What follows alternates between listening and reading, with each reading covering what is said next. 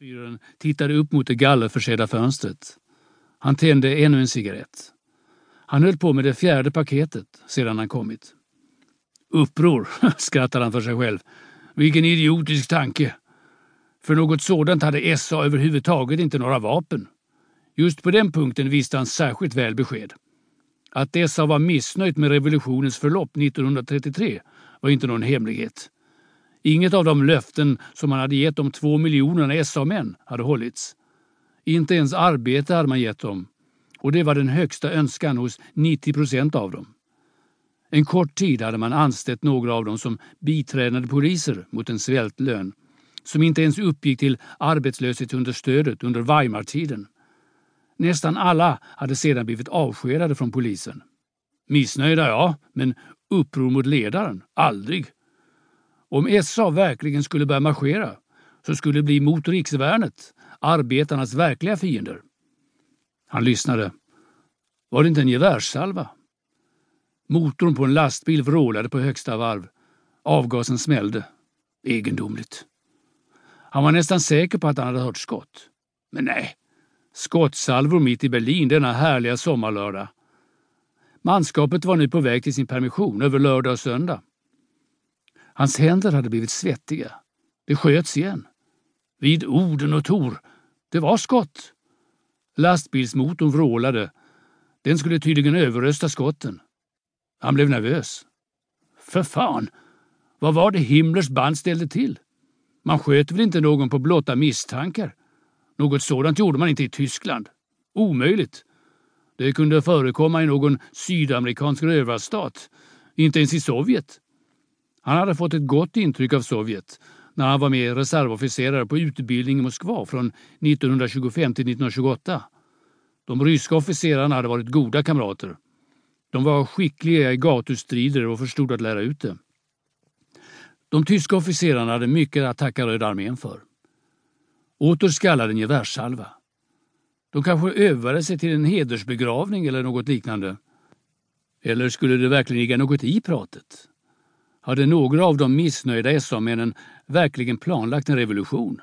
Då måtte de vara spritt galna. SA hade blivit alltför stort.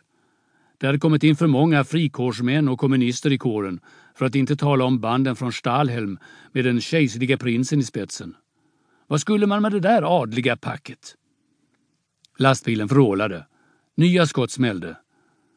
Det gick i all sin hemskhet upp för honom att det inte var någon övning utan ohyggligt allvar. En hel hop var i arbete och hade varit det i många timmar. Vem i helvete stod bakom det där SS-bandet? Den lilla sketna bokhållaren med glasögon från München var livsfarlig. Skitviktig och magsur. Man påstod att han var homosexuell. Vad skulle ledaren med den där Himmler? En sjuklig och petig dvärg. Han hörde ljudet av spikbeslagna stövlar. De gjorde halt utanför hans dörr. Nycklar rasslade i låset. Dörren rycktes upp. En SS-Untersturmführer och fyra SS-soldater. Stålhjälmar blänkte. De var från Standartenführer Eikes brununiformerade Totenkopf-division. Den enda SS-avdelning som inte bar svarta uniformer och SS-runor på kragen. Det var ta mig tusan på tiden, morrade Paul Hatzke irriterad. Där ska ni inte komma ifrån så lätt. Vänta tills jag får tala med Stabsführer Röhm. Då kommer ändan att svida på er. SS Untersturmführern svarade inte. Brigaden Führer Hatzke knuffades brutalt ut ur cellen. Bakom honom var två SS-män. Framför honom de båda andra. Vid sidan marscherade Untersturmführern.